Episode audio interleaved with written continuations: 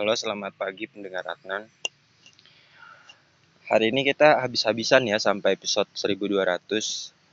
Jadi mungkin bisa lebih nikmat dengerin podcastnya. Oke, langsung aja aku mau cerita tentang belajar bahasa asing. Jadi buat kamu yang mungkin pengen ngomong bahasa Inggris lancar, ngomong bahasa asing lancar, itu bisa di sini ya. Aku udah nyoba semua sumber belajar, aku trial and error, akhirnya aku nemuin satu tips yang paling efektif. Aku udah nguasai sebenarnya kalau untuk basic-basicnya tuh udah banyak bahasa asing ya, tapi baru basic. Tapi kalau yang benar-benar fasih sampai tingkatan lumayan lah kalau mau ngomong tuh baru tiga bahasa bahasa Indonesia, bahasa Jawa, sama bahasa Inggris. Nah bahasa asingnya yang benar-benar bagus tuh cuma bahasa Inggris aku. Tapi itu cukup lah untuk modal hidup. Gitu. Tapi sebelum itu aku mau bicara pentingnya kita menguasai lebih dari dua bahasa. Yang pertama jelas bahasa ibu kita, bahasa nasional kita bahasa Inggris. Yang kedua adalah bahasa daerah. Setiap tempat, apalagi di Indonesia itu kan pasti punya bahasa daerah ya, atau punya dialek tertentu. Nah itu itu minimal dua. Tapi syukur kamu bisa tiga. Yaitu bahasa internasional bahasa asing bahasa Inggris. Minimal dua tapi syukur kamu bisa tiga.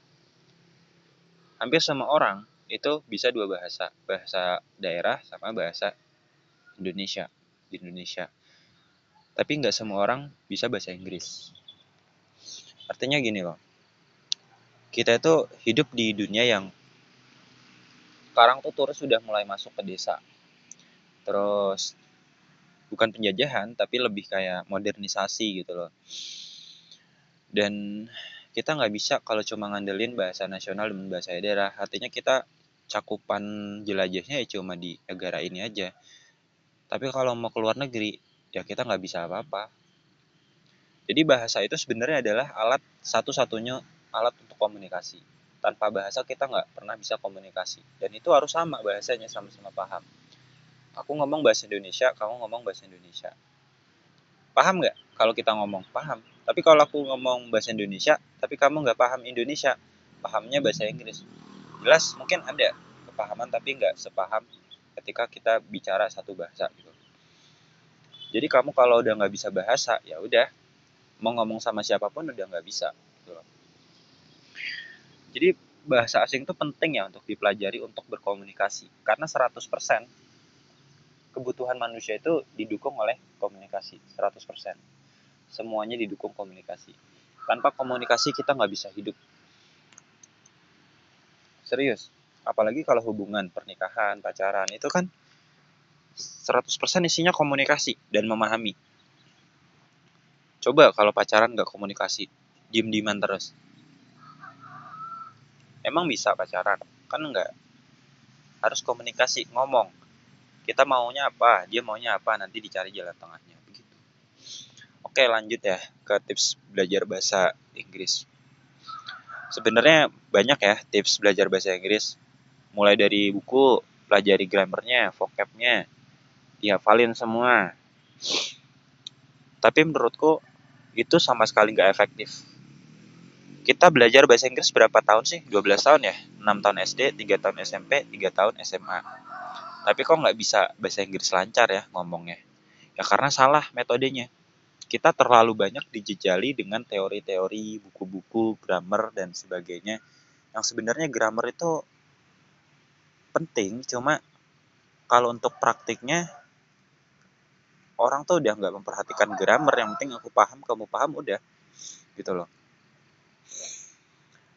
makanya ujian bahasa Inggris itu kan tertulis ya. Nggak ada listeningnya nggak ada speakingnya. Nah itu disayangkan. Jadi aku pengen banget kurikulum untuk bahasa Inggris di Indonesia di sekolah-sekolah itu 60% speaking lah. Speaking sama listening. Jadi kita lebih banyak dengar orang ngomong bahasa Inggris sama ngomong bahasa Inggris.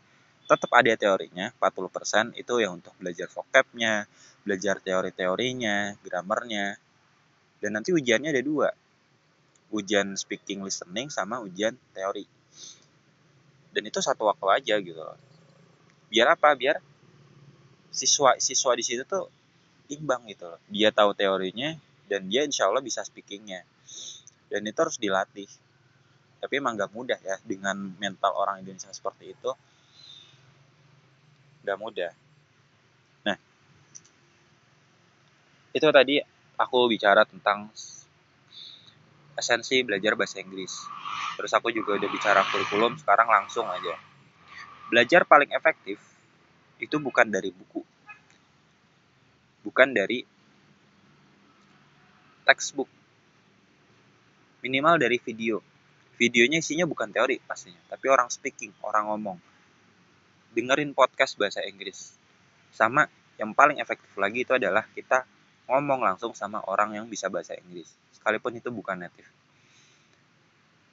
Pengalamanku adalah dulu aku 2010 ke Jogja. Aku belum bisa bahasa Jawa. Sementara di Jogja itu kan bahasa daerahnya bahasa Jawa. Itu aku cuma sebulan ngomong langsung sama orang Jawanya langsung itu langsung bisa. Berarti apa? Semua orang ya terlepas dari kecerdasannya gimana semua orang punya skill dasar berbahasa bayangkan kalau semua orang mau belajar bahasa dan mau ngomong bahasa baru itu satu bulan dua bulan tiga bulan bisa kok. Tapi caranya emang agak susah sih. Misalkan kamu mau ke mau bisa bahasa Perancis ya udah paling efektif kamu itu kalau punya uang tuh datang ke Perancis ngomong sama orang Perancis langsung satu bulan dua bulan bisa. Itu pengalaman. Banyak orang seperti itu mau bahasa Arab ya udah datang ke negara Arab ngomong langsung sama mereka. Dua bulan udah bisa. Itu paling efektif dibanding kita belajar dari buku kursus semata tapi kalau nggak punya modal apa apa cuma modal kota ya udah nonton YouTube aja. Nonton YouTube dengar lihat oh orang ngomong bahasa tuh gimana sama satu partner. Tapi partnernya juga sama-sama mau belajar bahasa. Kalau nggak mau ya udah sendiri pun nggak masalah. Syukur kalau kamu punya pacar ya itu bisalah diajak yuk kita belajar bahasa asing setengah jam. Kita ngomong pakai bahasa asing bahasa Inggris. Insya Allah speaking tuh bisa. Kalau teori aku pasti yakin semua pinter lah orang-orang di Indonesia mah pasti pintar kalau teori. Tapi kalau speaking itu emang harus dilatih terus. Bayangin kalau semua orang Indonesia bisa speaking bahasa Inggris devisa negara pasti bertambah. Orang-orang luar pasti pengen banget ke Indonesia karena berasa rumah sendiri gitu bayangin. Kalau semua orang Indonesia bisa bahasa Inggris ya turis pasti senang dong uh, berasa rumah sendiri ini gitu loh. Terus bisa menjalin hubungan lebih akrab dan sebagainya. Mereka juga mau bantu karena apa? Memahami gitu loh. Ada orang yang memahami mereka